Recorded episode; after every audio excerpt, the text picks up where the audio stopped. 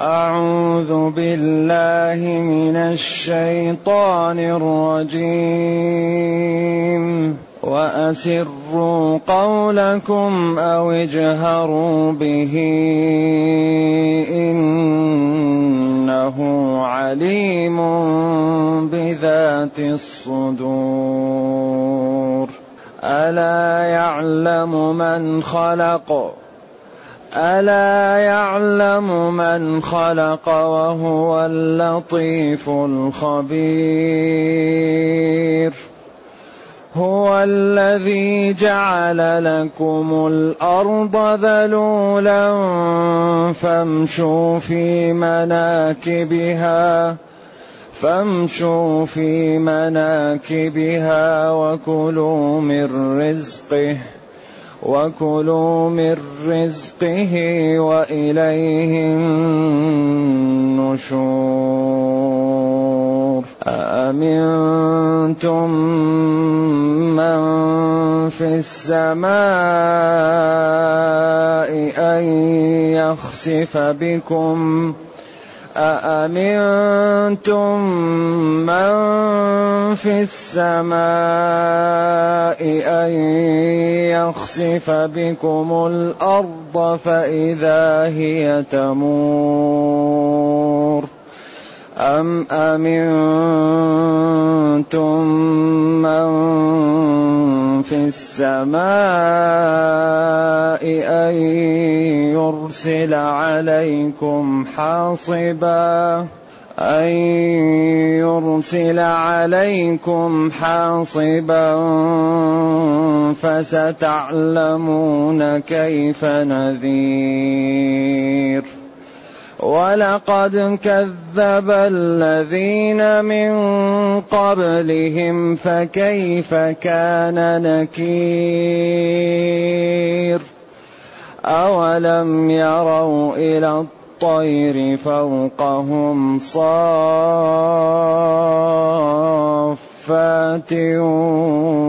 ويقبضن صافات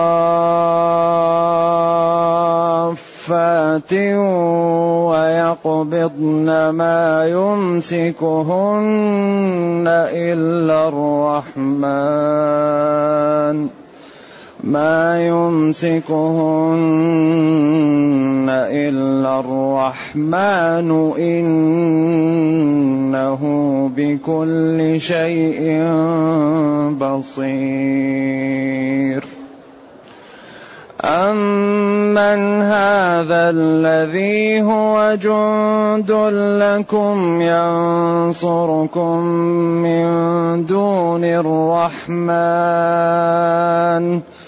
إن الكافرون إلا في غرور إن الكافرون إلا في غرور أمن هذا الذي يرزقكم إن أمسك رزقه إن أمسك رزقه بل لجوا في عتو ونفور. أفمن يمشي مكبا على وجهه أهدى أمن يمشي سويا أمن يمشي سويا على صراط مستقيم. الحمد لله الذي أنزل إلينا أشمل كتاب. وأرسل إلينا أفضل الرسل وجعلنا خير أمة أخرجت للناس. فله الحمد وله الشكر على هذه النعم العظيمة والآلاء الجسيمة. والصلاة والسلام على خير خلق الله وعلى آله وأصحابه ومن اهتدى بهداه. أما بعد لكم أو اجهروا به. الإسرار هو الكلام مخافتة والإجهار هو الكلام علنا ورفع الصوت به.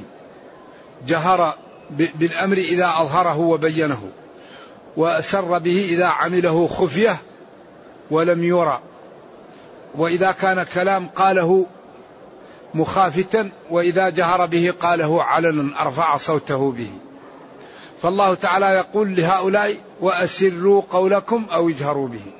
فالقضية أبعد من, من الإسرار أو الإخفاء. إنه جل وعلا عليم بذات الصدور الخطرات الفعلات ذات الصدور. إذا لا مهرب ولا منجي إلا الصدق. الواحد يصدق عشان ينجو. وأسروا قولكم أو اجهروا به. من أراد أن يسر ومن أراد أن يجهر فالذي في قلبك هو الذي سيعاملك الله عليه. ولذلك إن الله لا ينظر إلى إيش؟ ولكن ينظر إلى قلوبكم وأعمالكم. فالله جل وعلا عليم بذات الصدور الخطرات التفكير. ما لا تعمل؟ أخلصت نافقت كذبت صدقت. كل ما في قلبك يعلمه. ولذلك جعل آه، مناط الأعمال على النيات. ما هو ما هو بالظاهر؟ لا. مناط الأعمال والتمايز بالنيات. ولذلك حديث إنما الأعمال بالنيات هذا أول حديث في البخاري. هذا الحديث قالوا يدخل في سبعين باب من أبواب الدين. إنما الأعمال بالنيات. أولا يميز لك فرض العين من فرض الكفاية. ويميز لك السنة من الواجب. ويميز لك النية تميز لك الإخلاص من النفاق وتميز لك يعني المرائي ممن لا يرائي. كل هذه تتمايز بالنية. كل الأعمال مصبها على النيات لذلك الذي يخلص في عمله ويجتهد ينال الدرجات العليا والذي يلعب ولا يخلص يرسب. يجد كل أعماله صفر أو عشرة في المية ما تنجح. الصلاة يصلي الرجل ولا يكتب له منها شيء. يكتب له ربعها ثلثها نصفها وتكتب له كاملة. كيف يكون أتى بنوافل؟ وأسبغ الوضوء وحضر النية واستعاذ من الشيطان ويوفقه الله ويأخذ الدرجة الكاملة في الصلاة. لكن نادر من يأخذ الدرجة الكاملة في الصلاة. نادر أندر من الندور أن الإنسان يأخذ الدرجة الكاملة في الصلاة. لأنه الشيطان متسلط عليه. وإذا دخلت في الصلاة تذكر كذا أفعل كذا أعمل كذا بحيث يأخذ جزء من الوقت عن أن يكون كلها أنت منتبه لها ومحضر نيتك فيها. إذا أسروا قولكم أو اجهروا به. إنه جل وعلا عليم غاية العلم بما في صدور خلقه. إذا ما تضمره القلوب الله عليم به. أين المهرب؟ ثم زاد ووضح بقوله ألا يعلم ألا يعلم من خلق ألا حرف تنبيه واستفتاح. ألا يعلم. كأن ألا انتبهوا أو فكروا. يعلم من خلق. وهو اللطيف الخبير. إذا ولذلك الذي خلق ينبغي أن يعلم أن نظامه هو الذي يصلح البشرية. أما النظم الوضعية فهي عاجزة عن أن تحل مشاكل الناس لأن أصحابها قاصرون ولا يدركون المصالح كل الإدراك ولا يعرفون المضار كل المضار. فالقانون الوضعي عاجز لأن الذي وضعه عاجز. أما نظام السماء الذي شرعه الله هو من عند الله الذي يعلم ما لم يكن لو كان كيف يكون. وهو الذي لا يعزب عنه مثقال ذرة في السماوات ولا في الأرض. وهو الذي لا تسقط ورقة إلا يعلمها. وهو الذي أمره إذا أراد شيئا أن يقول له إذا هذا نظامه هو الذي يصلح البشرية وهو الذي خلق البشر ويعلم مصالحهم ويعلم ما يضرهم. فحري بأهل الأرض أن يطبقوا نظام السماء عليهم ليسعدوا في دنياهم ويرحموا في أخراهم. والله لا يجيز لخلقه أن يعملوا بالنظام الوضعي. قال ولا يشرك في حكمه أحدا وقال وأن يحكم بينهم بما أنزل الله. وقال ألم تر إلى الذين يزعمون أنهم آمنوا بما أنزل إليك وما أنزل من قبلك يريدون أن يتحاكموا إلى الطاغوت. كيف يزعموا الإيمان وهم يريدون التحاكم إلى الطاغوت إلى إلى إلى الجبت إلى الشيطان إلى إلى النظام الوضعي القانون الوضعي. إذا لا ينبغي أن يحكم البشر إلا قانون السماء. والحكم بالقانون الوضعي جريمة. فإن حكم الحاكم بالقانون الوضعي يرى أن قانون السماء أفضل وأولى ولكنه يرى أنه ارتكب ذنبا فهذه كبيرة. وإن رأى أن قانون السماء عاجز أن يحل مشاكل أهل الأرض وأن الذي يحل مشاكل أهل الأرض هو القانون الوضعي هذا كفر بالإجماع. الذي يرى أن قانون السماء عاجز وأن الدين لا يصلح البشرية وأنه نزل في وقت قديم وأن الناس تطورت هذا كافر بالإجماع. الذي يرى أن الدين عاجز هذا كفر بالإجماع.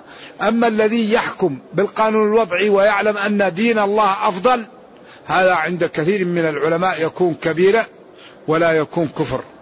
لأنه إذا حكم القاضي بيش بالخطأ رشي لا يقال إنه كافر حكم بغير الحكم. أيوه قال قالوا قاضيان في النار وقاض في الجنة. قاض عرف الحق وعمل به فهو في الجنة. قاض عرف الحق وعمل بضده فهو في النار. قاض حكم بالجهل فهو في النار. اذا ألا يعلم جل وعلا من خلق وهو اللطيف الخبير. من هنا؟ احتمال أن تكون مفعول واحتمال أن تكون فاعل. من؟ لكنهم رجحوا هنا أن تكون فاعلا. ألا يعلم من خلق.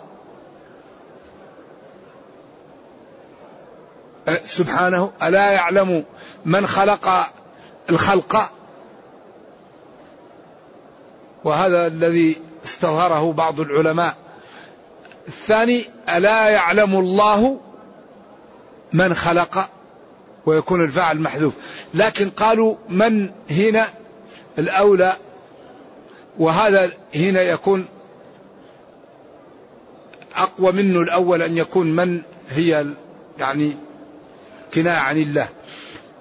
لأنه يكون من هنا للعاقل والذي خلق الله في عاقل وفي غير عاقل ومن للعاقل فقط. ألا يعلم الله من خلق؟ فتكون من هنا رعي فيها العاقل وهو وهذا يكون يعني المعنى فيه أقل. أما إذا قلنا ألا يعلم من خلق خلقه فيكون هذا ما فيه الاعتراض اللي إذا قلنا من مفعول به. لأن من للعقلاء وما لغير العقلاء. وقد يستعمل هذا بمعنى هذا كما قال ومنهم من يمشي على بطنه وقال انكحوا ما طاب لكم على الخلاف فيما طاب هل المقصود به نفس النساء أو البضع الطيبة منهم. على الخلاف الموجود. إذا القرآن حمال ذو وجوه. ألا يعلم جل وعلا من خلق أو ألا يعلم الله الخلق؟ خلقه الذي خلقه وهو اللطيف بعباده الخبير بنياتهم وبتفكرهم وبمصالحهم وبمضارهم فدبر الأمر وجعل شرعه سبب في السعادة في الدنيا والأخرى. ولذلك لا بد للمسلمين أن يظهروا للعالم جمال هذا الدين في حياتهم. نحن أحوج ما نحتاج إليه أن نقتدي بالإسلام أن نحيا الإسلام في حياتنا أن نعيش الإسلام. من أراد أن ينفع الإسلام فليعش الإسلام. الإسلام ليس ادعاء الإسلام قيد الفتك الإسلام حياة نظرة. نظرة الإسلام مشية الإسلام كلام الإسلام تعامل الإسلام نوم الإسلام لباس الإسلام سفر المسلم كل يعيش الإسلام في كل حياته. هذا الذي ينفع الناس. يمشي مشية المسلم ينظر نظرة المسلم يسلم سلام المسلم يسافر سفر المسلم يلبس لباس المسلم يبيع ويشتري بيع المسلم. هذا الإيمان قيد الفتك. وإلا الإنسان يتكلم ولا يعمل. ماذا قال الله عن المنافقين أعاذنا الله وإياكم من النفاق؟ قالوا نشهد إنك لرسول الله. والله يعلم إنك لرسوله. ماذا قال؟ والله يشهد إن المنافقين لكاذبون. لو كان حبك صادقا لأطعته. إن المحب لمن يحب مطيع. إذا أحسن شيء نعمله للدين أن نتمثله. كل واحد منا يتمثل الدين في كلامه في حياته في نومه في سفره في صلاته في صومه. إذا تمثلنا الدين كل من حولنا تأثر بنا. وكل من خالطناه استفاد من الدين. وإذا كنا نتكلم بالدين ولا نعمل أصبح كل واحد ينفر من الدين بسبب أعمالنا. الدين عمل ممارسة بذل غض, غض طرف كف لسان بذل مال بذل جاه بذل وقت مخاطرة.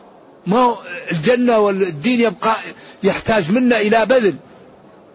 أما نريد أن يبقى لنا أموالنا وأنفسنا وكل شيء ونريد الجنة هذه مغالطة. الذي يريد الجنة يبذل. ما فيه جنة بدون شيء. ألف لام ميم. أحسب الناس أن يتركوا أن يقولوا آمنا أن يقولوا آمنا وهم لا يفتنون. ولقد فتنا الذين من قبلهم فليعلمن الله الذين صدقوا وليعلمن الكاذبين. ليس بأمانيكم ولا أماني أهل الكتاب. من يعمل سوءا يجز به. إذا لا بد من تمثل الدين. يقول تعالى ألا يعلم من خلق؟ إذا ينبغي لنا أن نحذر العالم من القوانين الوضعية. لأنهم ما خلقوا ولا يعلمون مصالح البشر. الذي يعلم مصالح البشر خالق البشر. لذلك قال قبل أربعة عشر قرنا يمحق الله الربا. قال فإن لم تفعلوا فأذنوا بحرب الآن العالم يتجرع. هذا هذه الآية الآن يتجرع نتائج الربا. العالم كله الآن في أكبر خطر الربا. ذروا ما بقي من الربا. فإن تبتم فلكم رؤوس أموالكم. فإن لم تفعلوا فأذنوا بحرب. طيب ومن أصدق من الله قيلا؟ جمع الآيات تساوي دمار. إذا أقول إن لم يقلع سكان الأرض عن الربا فالذي سيقع عليه لا يعلمه إلا الله. إن لم يتفق العقلاء على الإتيان بمبادلات للمنافع بدل الربا بالبيع الحلال بدل الربا أقول إن لم يكف أهل الأرض عن ذلك فالذي سيقع لا يعلمه إلا الله. هل يقع زلزال؟ هل يقع طوفان؟ هل يقع طاعون؟ شيء لا يعلمه إلا الله. فسكان هذه الأرض في خطر من الربا. لأن الله قال يمحق وقال ذروا وقال فإن لم تفعلوا فأذنوا. طيب من حاربه الله؟ ما لا يكون. لذلك لا بد للعقلاء من أن يجتمعون ليأتوا بمعاملات مباحة بدل الربا. لما قالت قريش إنما البيع مثل الربا ماذا قال الله؟ قال أحل الله البيع وحرم الربا. فليحذر الذين يخالفون عن أمره إيش؟ أن تصيبهم فتنة. إذا يعلم من خلق. حذر الربا. حذر من الفواحش. قال ولا تقربوا الزنا إنه كان فاحشة. فاحشة. قال وأنكحوا الأيام منكم والصالحين من عبادكم وإمائكم ووعد ولا يخلف الميعاد إن يكونوا فقراء يغنيهم الله. ثم الذي لم يجد ولم يستطع وليستعفف. الذين لا يجدون نكاحا حتى أغنيهم الله من فضله. وأعطى كل شيء وبينه. ولذلك كل ما نحتاج إليه مبين في هذا الكتاب. ألا يعلم من خلق؟ وحذر من الخلاف. وجعله أكبر سبب في ضعف المسلمين. ولا تنازعوا فتفشلوا. أكبر سبب ضعف هو التنازع. وأمر بالإعداد. وقال وأعدوا. وقال كونوا مع الصادقين. وقال اثبتوا وقال اذكروا الله كثيرا. إذا هذه الأمة مليار وستمائة مليون أكبر مشكلة تعيشها أوامر معطلة ونواهي منتهكة. هذا هو الذي قوض العالم الإسلامي الآن. مليار وستمائة مليون. كثير من أمورها لا يستشار فيها. لأنهم لم يقوموا بالأسباب والدنيا يحكمها قانون المسببات. أوفوا بعهدي أوفي بعهدكم. إن الله اشترى فاستبشروا ببيعكم.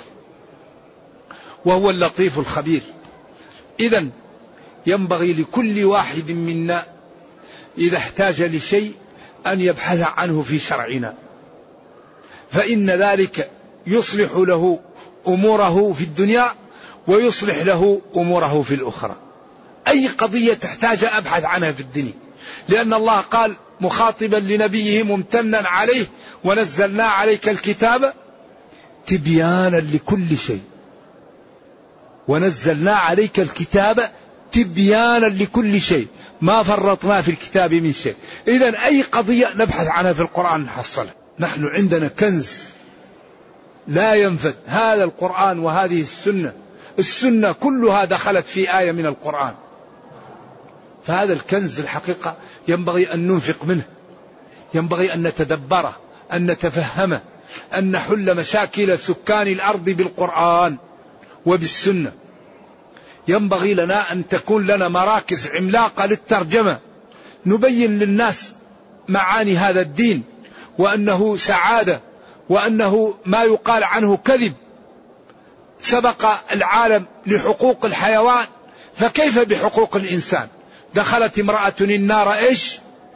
في هرة حبستها فلا هي أطعمتها ولا هي تركتها تأكل من خشاش الأرض. ودخلت امرأة بغي من بني إسرائيل الجنة بسبب كلب سقته أكرمنا الله وإياكم. إذا الإسلام سبق لحقوق الحيوان وحقوق الإنسان وحقوق الطير وحقوق وجعل في كل كبد رطب أجر وحرم الظلم. وقال إذا كرهت الإنسان لا تظلمه ولا يجرمنكم شنآن قوم على أن لا تعدلوا. إذا كرهت ناس لا يمنعك كراهية ناس أن تعدل. اعدلوا هو أقرب للتقوى. فسبق كل النظم للعدالة وللجمال وللإيثار وللنزاهة وللرفق. ولكن المسلمين يمثل يمثلون المحامي الذي لا يفهم. يقومون بوظيفة المحامي غير الفاهم. المحامي إذا كان غير فاهم الوكيل أي قضية يأخذها ماذا يضيعها. فالمسلمون الآن يجفلون الناس عن الدين بماذا بعدم ممارستهم للدين. الإسلام يقول لك لا تظلم لا تكذب لا تسرق لا تزني لا ترابي تصدق انفق اصلح ذات البين افعلوا الخير لعلكم تفلحون. فإذا قرأ القارئ عن الإسلام قال ما أجمل هذا الدين وما أنجعه لحل مشاكل أهل الأرض. فإذا نظر إلى المسلمين وجد الربا وجد الرشوة ووجد الظلم. إذا يقول لو كان الدين حق لاتبعه أهله. قال تعالى ربنا لا تجعلنا فتنة للذين كفروا. أي لا تجعل عملك فينا سببا في صد غير المسلمين عن الدخول في الإسلام. وهو اللطيف. جل وعلا لطيف بعباده. خبير بمصالحهم وبمضارهم. فلذلك أتاهم بالشرع الطيب. وأمر بإكرام كل الشرائح التي تخالطها. قال واعبدوا الله ولا تشركوا به شيئا وبالوالدين إحسانا وبذي القربى واليتامى والمساكين والجار ذي القربى والجار الجنب والصاحب بالجنب وابن السبيل وما ملكت أيمانكم. كل الشرائح التي تخالطها اكرمها. آية آية في الجمال والحسن. وما أمرك بالتغاضي وأن تعفو أقرب للتقوى. أباح لك أن تكافئ بقدر المظلمة. لكن لو تعفو ذلك يزيدك الله به رفعة ودرجة. بعدين بين نعم الله عليكم أيها المسلمون وأيها الخلق هو أي الله الذي جعل صير لكم الأرض ذلولا تمشون فيها وتركبون وتزرعون وتنامون عليها وتضعون في باطنها موتاكم. ألم نجعل الأرض كفاة أحياء وأموات؟ وجعلنا فيها رواسي شامخات. فامشوا في مناكبها. المناكب للعلماء فيها ثلاثة أقوال. قيل المناكب هي الجبال وقيل المناكب الأطراف وقيل المناكب الطرق فيها وهو خلاف تنوع. ذلك ذكر الحافظ بن كثير أن أحد الصلحاء قال لجاريته لو تفسر لي في مناكبها أنت حرة. قالت له المناكب الجبال. فسأل أحد العلماء قال له ما المناكب؟ قال له الجبال.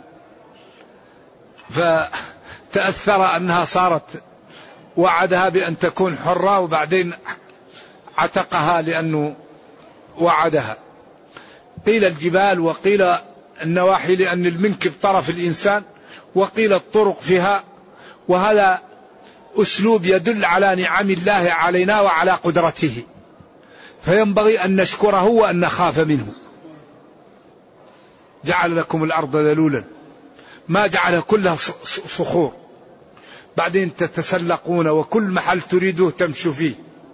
وجعل فيها طرق. وكلوا من رزقه. هذا أمر للإباحة. كلوا من رزق الله تعالى. أنزل لكم المطر وأنبت لكم الأشياء وجعل لكم الزروع والفواكه. رزق الله. كل ما في الأرض. ولذلك كل ما في الأرض غير مملوك هو مباح للإنسان. هو الذي خلق لكم ما في الأرض جميعا. هل في الأصل الأشياء الإباحة أو الأصل الحرمة أو التوقف؟ أقوال للعلماء.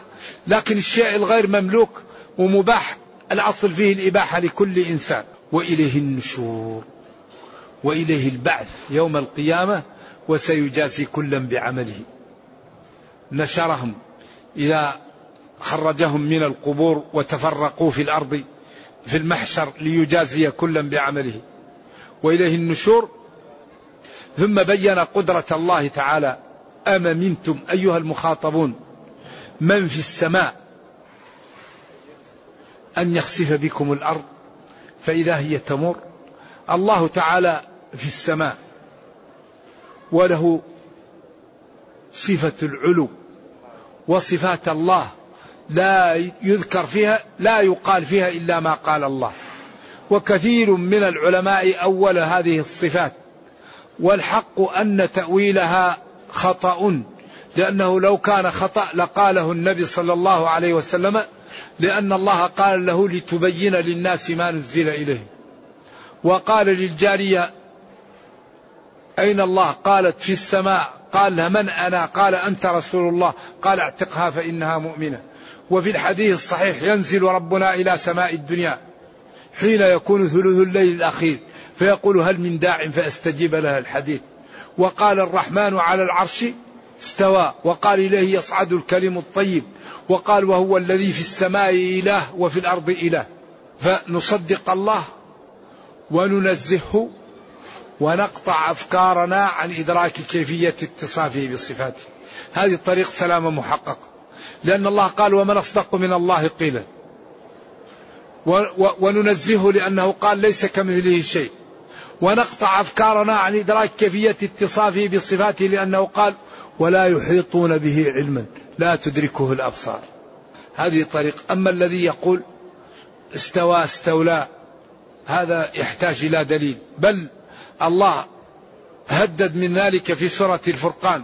قال ثم استوى على العرش الرحمن فاسأل به خبيرا. لا تقول استولى هذا إعجاز. فاسأل به خبيرا. أما منتم من في السماء أن يخسف بكم الأرض؟ الخسف هو أن يجعل باطن الأرض ظاهرها وظاهرها باطنها. فإذا هي تمور تتحرك وتدور. فإذا هي ما في الأرض الأخير فوق وأنتم تحت. نرجو الله السلام والعافية.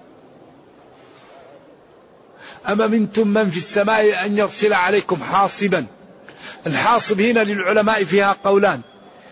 ريح قوية ترميكم بالحصباء أو يرسل عليكم حجر مما يرمى به كالحصى يحصبكم. فستعلفون أيها الكفرة المخالفون للنبي صلى الله عليه وسلم ولرسل الله كيف إنذاري لكم من العقوبة؟ ولقد كذب الذين من قبلهم من قبل قريش. فكيف كان إنكاري عليهم وعقوبتي لهم؟ ثم بين قدرة الله تعالى فقال أولم يروا؟ هؤلاء المخاطبون المخاطبون إلى الطير. طير اسم جنس. طير وطائر وطيور. فوقهم صافات أجنحتها. بعدين قال ويقبضن. قال العلماء لماذا ما قال وقابضات؟ قال صافات وقال ويقبضن. لم يقل وقابضات. قالوا لأن أكثر ما يعمل الطير في الجو يمد أجنحته ويقبضهم قليل للاستراحة. لذلك قال يقبضن لأنه يقبض قليل ويعود إلى البسط. أما البسط هو الكثير فعبر عن صافات بالاسم الذي يدل على الثبوت. وعبر عن القبض بالفعل الذي يدل على التجدد والحدوث لأنه أقل. بعد ما يمسكهن إلا الرحمن بقدرته. إذا صاحب هذه القدرة الهائلة ينبغي أن يطاع وتنفذ أوامره وتجتنب نواهيه ويخاف من وعيده ويرغب في وعده. إنه جل وعلا بكل شيء بصير. ما كان وما لم يكن. لو كان كيف يكون؟ ما يفكر فيه الناس. ما يعملوه في الليل. ما يعملوه في النهار. ولذلك ينبغي للمسلم أن لا يفكر إلا في الخير. ولذلك نية المسلم أحسن من عمله. لا يفكر إلا في الخير. لأنه إذا فكر في الخير يكتب له الخير. وإذا فكر في الخير وعجز يكتب له. الإنسان إذا عجز عن الصلاة تكتب له. عجز عن الصدقة تكتب له ولذلك رجل غني ومتصدق ورجل فقير وقال وفقيه وقال لو أن لي مال فلان لفعلت مثل فعلي فهما في الأجر سواء. لأن الأعمال بالنيات. ذلك بعض السلف يقول أطلب في نومتي ما أطلب في قومتي. الإنسان إذا أصلح نيته أعماله كلها تكتب له لكن نحن دائما نغفل ونا ولا نتنبه لأن كل أعمالنا ننوي بها الخير لو النوم تنوي به الخير يكون لك أجر. فكل عمل تعمله وتنوي به الخير والأجر والتقوي على العبادة والتقوي على الحياة تنال به الأجر. أم من؟ أم استفهام من مضغم فيها؟ هذا الذي هو جند لكم يعني يعضدكم وحرس وقوة لكم ينصركم من دون الرحمن. ما فيه أحد ينصركم من دون الرحمن. إذا كل هؤلاء لا ينفعوكم. بل يضركم فينبغي أن تبادروا بالتوبة وبطاعة الله وباتباع شرعه ودينه. إن نافية ما الكافرون إلا في غرور ضياع. أما هذا الذي يرزقكم إن أمسك رزقه. إذا مسك عنكم المطر ومسك الأرض أن تنبت وأتى بالقحط والجدب من يأتيكم بالرزق؟ ولذلك قال ولقد صرفناه بينهم ليذكروا فأبى أكثر الناس إلا كفرا. وأنزلنا من السماء ماء طهورا لنحيي به بلدة ميتا ونسقيه مما خلقنا أنعاما وأناسيا كثيرا. ولقد صرفناه بينهم ليذكروا. يعلموا أن هذا من تدبير الخالق. فأبى أكثر الناس إلا كفرا. مطرنا بنوء كذا وكذا. بل لجوا استمروا في عتو تكبر ونفور وبعد وعدم قبول للحق عياذا بالله. أفمن يمشي مكبا على وجهه جابيا لا يرى شيئا ولا يبصر.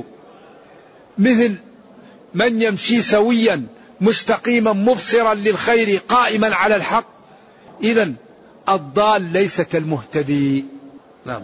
أهداء من يمشي سويا على صراط مستقيم. إذا لا يستويان. ينبغي البدار. البدار. نبادر. أولا بالتوبة. نتوب إلى الله. ثانيا كل واحد منا يفتح صفحة جديدة. والله يمسح عنه كل الذنوب وما أراده يعطيه الله له. لأنه كريم وغني ولا يضيع أجر من أحسن عملا ولا يسأله العبد شيئا إلا أعطاه إياه. لأن قوله الحق ويقول ادعوني أستجب لكم. فينبغي أن, أن نرغب فيما عند الله ونطيع الله وما أردناه يعطيه الله لنا. والله لا يخلف الميعاد وقال أوفوا بعهدي أوفوا بعهدكم. نرجو الله جل وعلا أن يرينا الحق حقا ويرزقنا اتباعه وأن يرينا الباطل باطلا ويرزقنا اجتنابه وأن لا يجعل الأمر ملتبسا علينا فنضل. اللهم ربنا آتنا في الدنيا حسنة وفي الآخرة حسنة وقنا عذاب النار. اللهم اختم بالسعادة آجالنا واقرم بالعافية غدونا وآصالنا واجعل إلى جنتك مصيرنا ومآلنا. سبحان ربك رب العزة عما يصفون وسلام على المرسلين والحمد لله رب العالمين. وصلى الله وسلم وبارك على نبينا محمد وعلى آله وصحبه. والسلام عليكم ورحمة الله وبركاته.